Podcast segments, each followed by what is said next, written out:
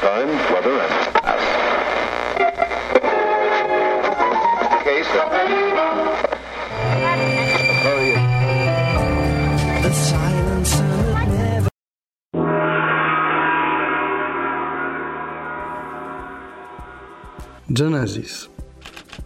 Brytyjski zespół rockowy założony w 1967 roku. Ostatni skład zespołu. Tony Banks, instrumenty klawiszowe 67-2022. Phil Collins, perkusja, instrumenty klawiszowe, śpiew 1970-2022. Mike Rutherford, gitara, gitara basowa 1967-2022. Byli członkowie Peter Gabriel, śpiew 1967-1975. Steve Hackett, gitara 1971-1977. Anthony Phillips, gitara śpiew 1967-1970 i Ray Wilson, śpiew 1996-2000. Premierowe nagrania ukazywały się od 2 lutego 1968 roku singiel Silent Sun That's Me do 2 września 1997 roku album Calling All Stations. Działalność koncertowa od września 1969 roku do z wieloma wieloletnimi przerwami tournée pożegnalnego w 2022 roku. Wybrana filmografia 1997 Genesis in Concert 1982 Three Sides Live 1985 The Mama Tour 1988 Invisible Touch Tour 1993 Genesis Live The Way We Walk in Concert 2003 Genesis Live at the Wembley Stadium 2008 When in Rome. Pomnik z internetu za Przemysławem Rudziem ze strony topguitar.pl Genesis wprowadził do muzyki nową jakość. Stworzył własną drogę, która zdefiniowała pierwsze lata popularności rocka progresywnego. Wspaniałe, wielowątkowe kompozycje, pełne teatralnych odniesień, wirtuozerskich partii solowych, niebanalnych harmonii, a przy tym stała ewolucja, która odzwierciedlała reagowanie muzyków na świat zewnętrzny i zmieniające się trendy. Dodaj już ode mnie, Genesis to jeden z nielicznych bandów, który dość swobodnie i bez specjalnego uszczerbku na wiarygodności przeszedł z rocka progresywnego do szeroko rozumianego popu. I właściwie wtedy zrobił ogólnoświatową karierę, będąc wcześniej tylko, w cudzysłowie, rozpoznawalnym w kręgach fanów art rocka czy rocka progresywnego. time, weather,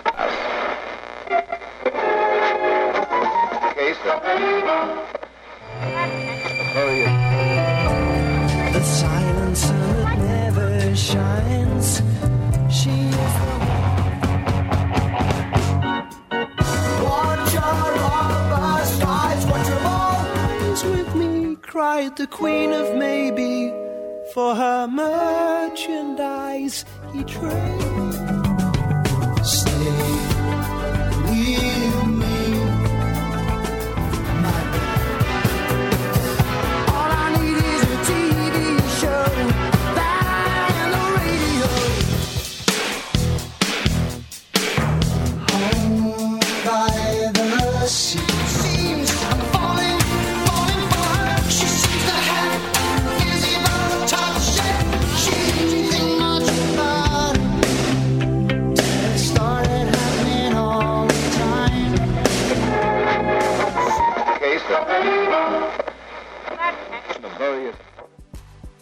Genesis. Zespół intrygujący, ewoluujący na przestrzeni lat, wartościowy w każdym wcieleniu, z niemal każdym wokalistą, w jakimś sensie prosty i jednocześnie nieprosty do określenia. Na pewno wart przyjrzenia się dokładnie jego historii i dyskografii, co też właśnie zamierzamy uczynić.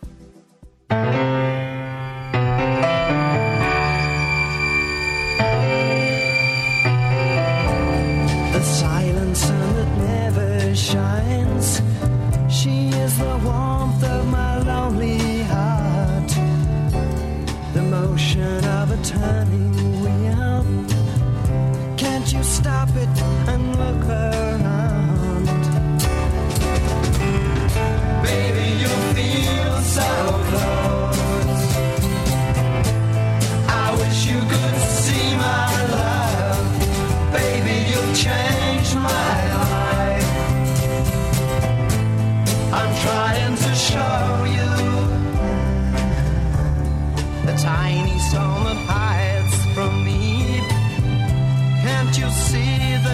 Just outside? A mountain stream and a sea. Impresja pierwsza, prosta muzyka. To może być nieco obrazoburcze stwierdzenie, szczególnie dla fanów dokonać Genesis z lat 70., a jednak to zawsze był właściwie band dość prostych utworów, motywów muzycznych. I to wcale nie jest zarzut, tylko stwierdzenie faktu. Rzecz jasna, we wspomnianych latach 70. grali większe formy, ale takie były czasy, takie były ambicje. Jednakże owe większe formy składały się zazwyczaj z mniejszych i prostych kawałków. I może właśnie dlatego później Genesis było w sumie dość łatwo przeskoczyć w stronę pop.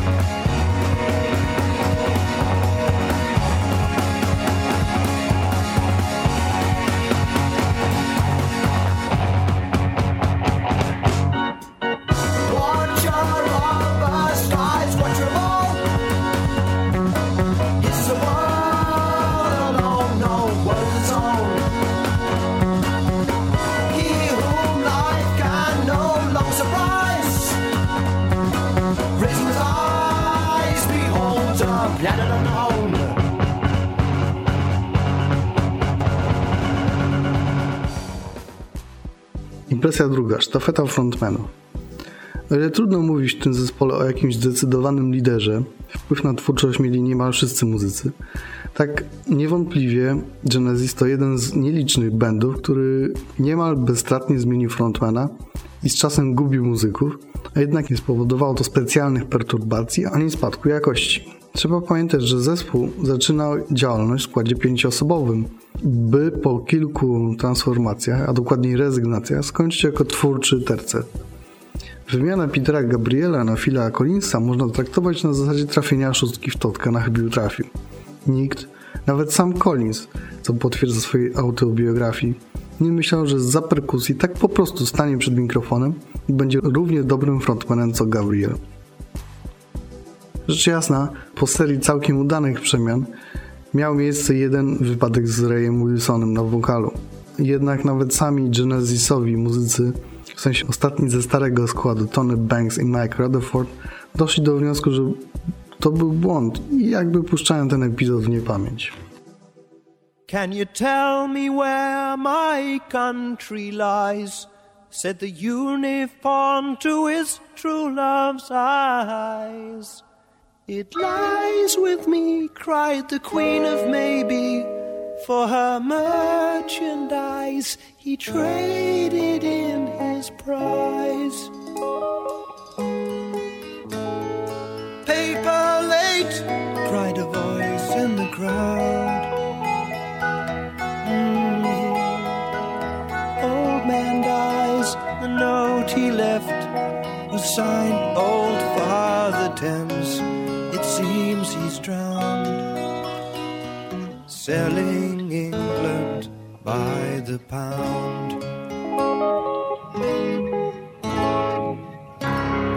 Citizens of hope and glory. Impresja trzecia, pączkowanie solistów. Inna ciekawostka personalna. Genesis miał w swoim składzie dwóch muzyków, którzy w jakimś sensie zrobili co najmniej tak samo duże albo i większe kariery solowe niż zespołem. Chodzi oczywiście o wspomnianych już Petera Gabriela i Phila Collinsa. Co do Gabriela, jego kariera solowa może nie była aż takim zaskoczeniem, bo w końcu był frontmanem. Collins to jednak, choć teraz już trudno w to uwierzyć, kolejny raz strzał w ciemno i nawet on podkreśla, że w sumie nigdy, to znaczy do lat 80., nie myślał o sobie jako o twórcy i na dodatek, że uda mu się zrobić aż taką karierę solo. Na marginesie można oddać także sprawiedliwość Rutherfordowi, który ze swoim pobocznym zespołem Mike and the Mechanics też miał hity, choć to nie był ten poziom popularności co Genesis.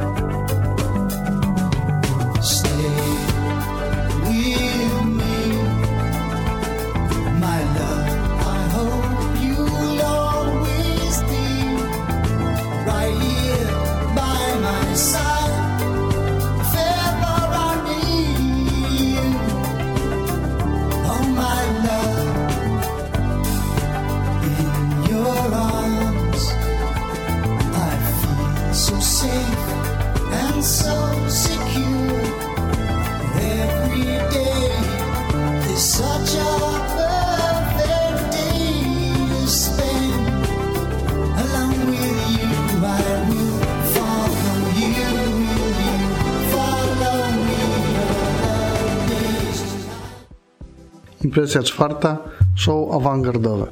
Łatwo o tym zapomnieć, a YouTube nie daje zbyt wielu możliwości do uświadomienia sobie, że w latach 70. Genesis byli w awangardzie rocka i to nie tylko ze względu na muzykę.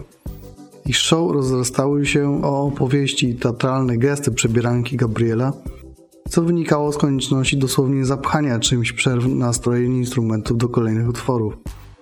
Ostatnia odsłona zespołu z Gabrielem to było połączenie płyty koncepcyjnej The Lamb Lies Down on Broadway i odgrywanie jej na scenie. Jednak dla Genesis, w odróżnieniu od niektórych innych grup z nurtu art rocka, muzyka była zawsze najważniejsza w całym show.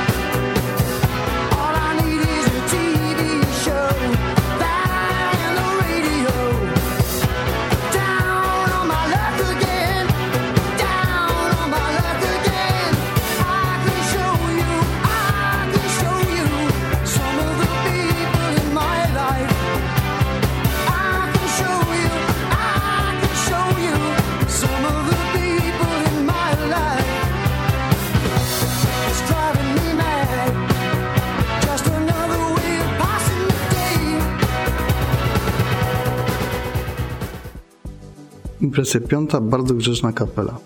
Genesis to w sumie jeden z niewielu naprawdę znanych zespołów, których życie prywatne muzyków nie rzutowało w żadnym stopniu na karierę twórczość bandu jako takiego.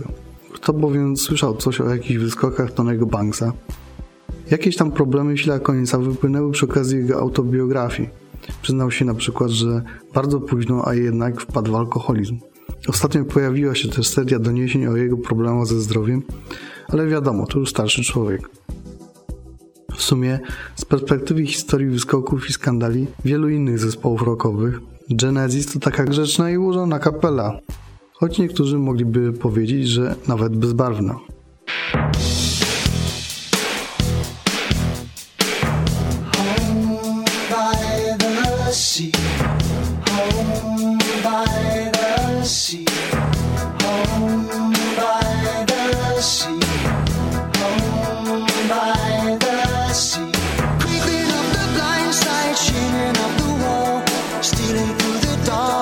Night.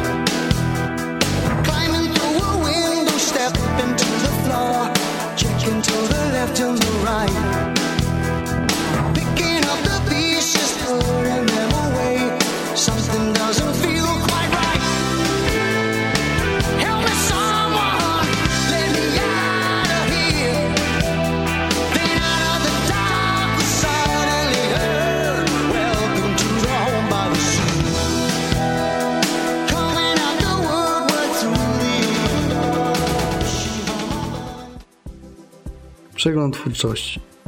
Genesis to kolejny długotrwający w czasie zespół, w którego dokonaniach każdy może znaleźć coś dla siebie. Jak zwykle mamy tu do czynienia z kilkoma albumami świetnymi, ale bywały też i wpadki. Zacznijmy od składanek. Biorąc pod uwagę, że Genesis przeszło w swojej historii kilka zakrętów stylistycznych, o sensowną składankę raczej trudno.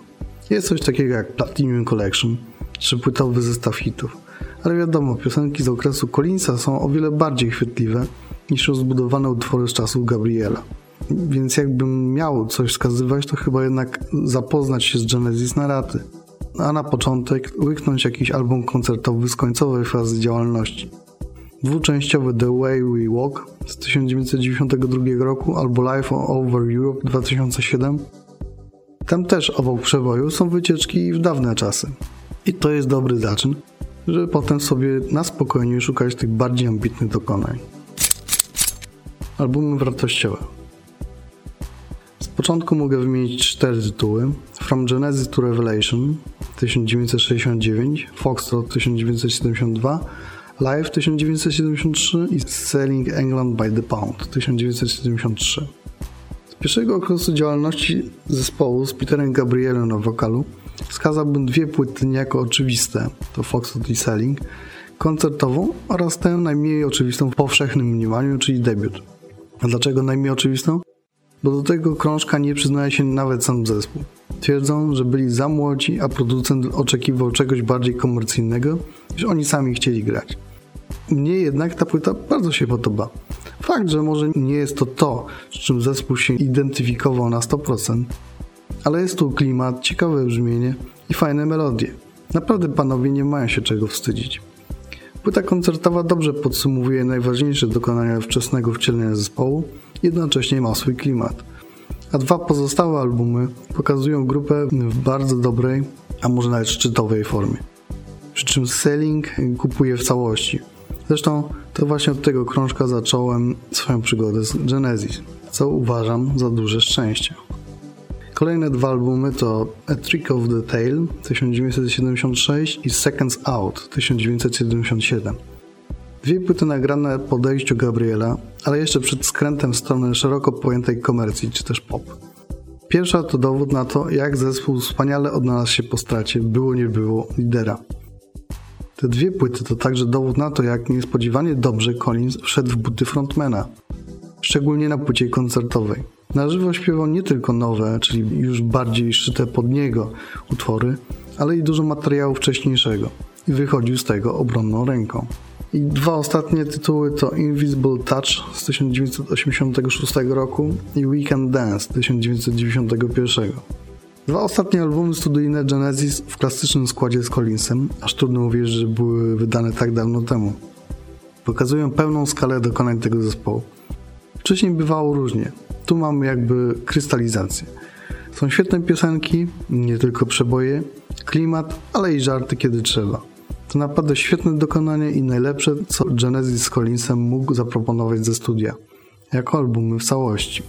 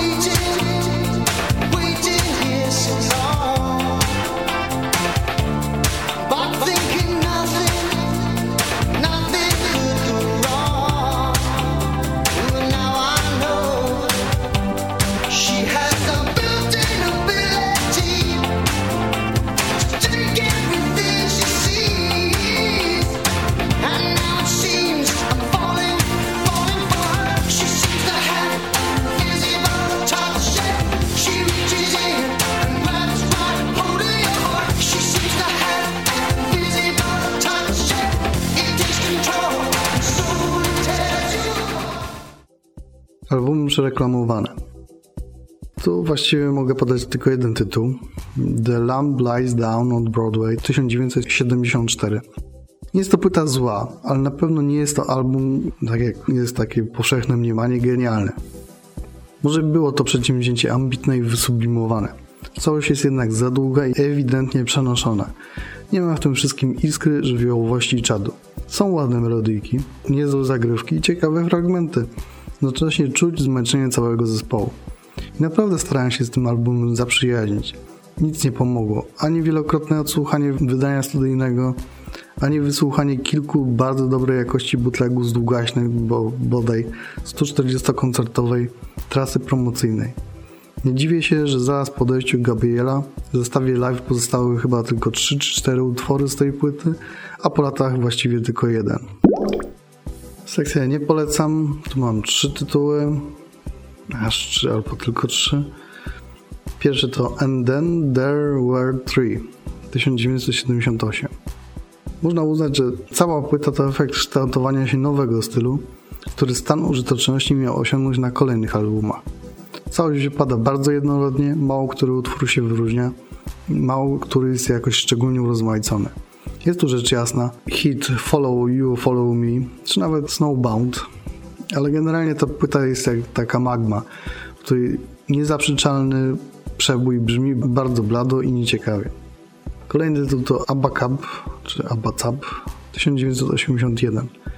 Płyta właściwie nijaka, jakby bez specjalnego ducha, a raczej na zasadzie wykorzystywania schematu z poprzednich albumów. Na wcześniej wydanym Duke była jeszcze jakaś nadzieja, a tu to nawet nie jest stagnacja, ale krok w tył. I ostatni tytuł to Calling All Station, ostatni dosłownie i przenośni.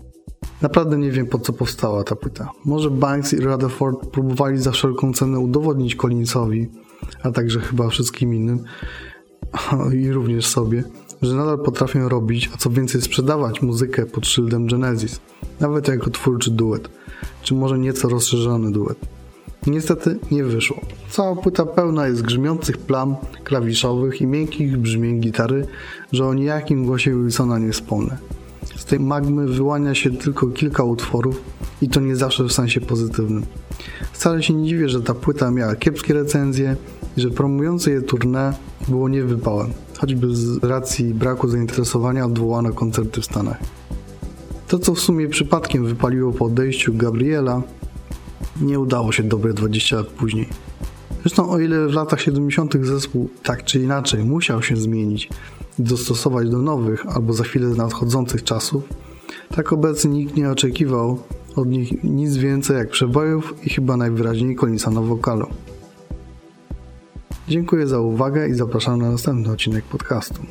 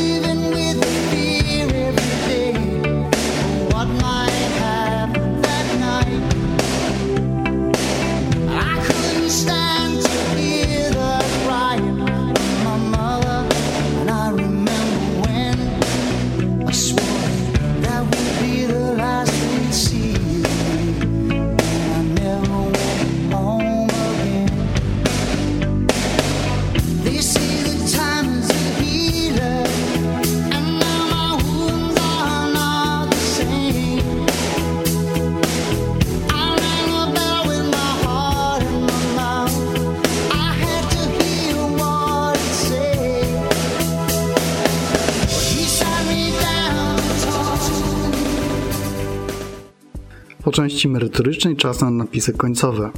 Najpierw chciałbym podziękować kilku osobom, które poświęcając swój cenny czas i masę wysiłku podlanego morzem cierpliwości, pomogły mi doprowadzić ten podcast do stanu, w jakim jest teraz. Magda, Ewa, Agata Jarek, Michał, Aneta i reszta książenickiej ekipy. Jestem Wam bardzo wdzięczny. Innym, nie wymienionym wcześniej, także dziękuję.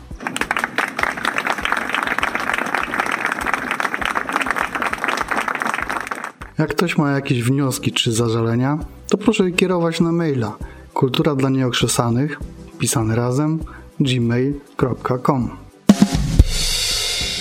Informuję, że wszystkie fragmenty utworów, które wykorzystałem w odcinku, są użyte w oparciu o prawa dozwolonego użytku i dozwolonego cytatu.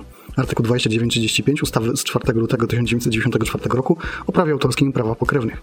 Materiał ten ma charakter edukacyjny czy też ilustracyjny. Jego celem jest tylko i wyłącznie pogłębienie wiedzy słuchaczy na omawiany przeze mnie temat. Nie pobieram tytułu umieszczenia owych fragmentów żadnego wynagrodzenia. Twory te nie stanowią także meritum mojego podcastu.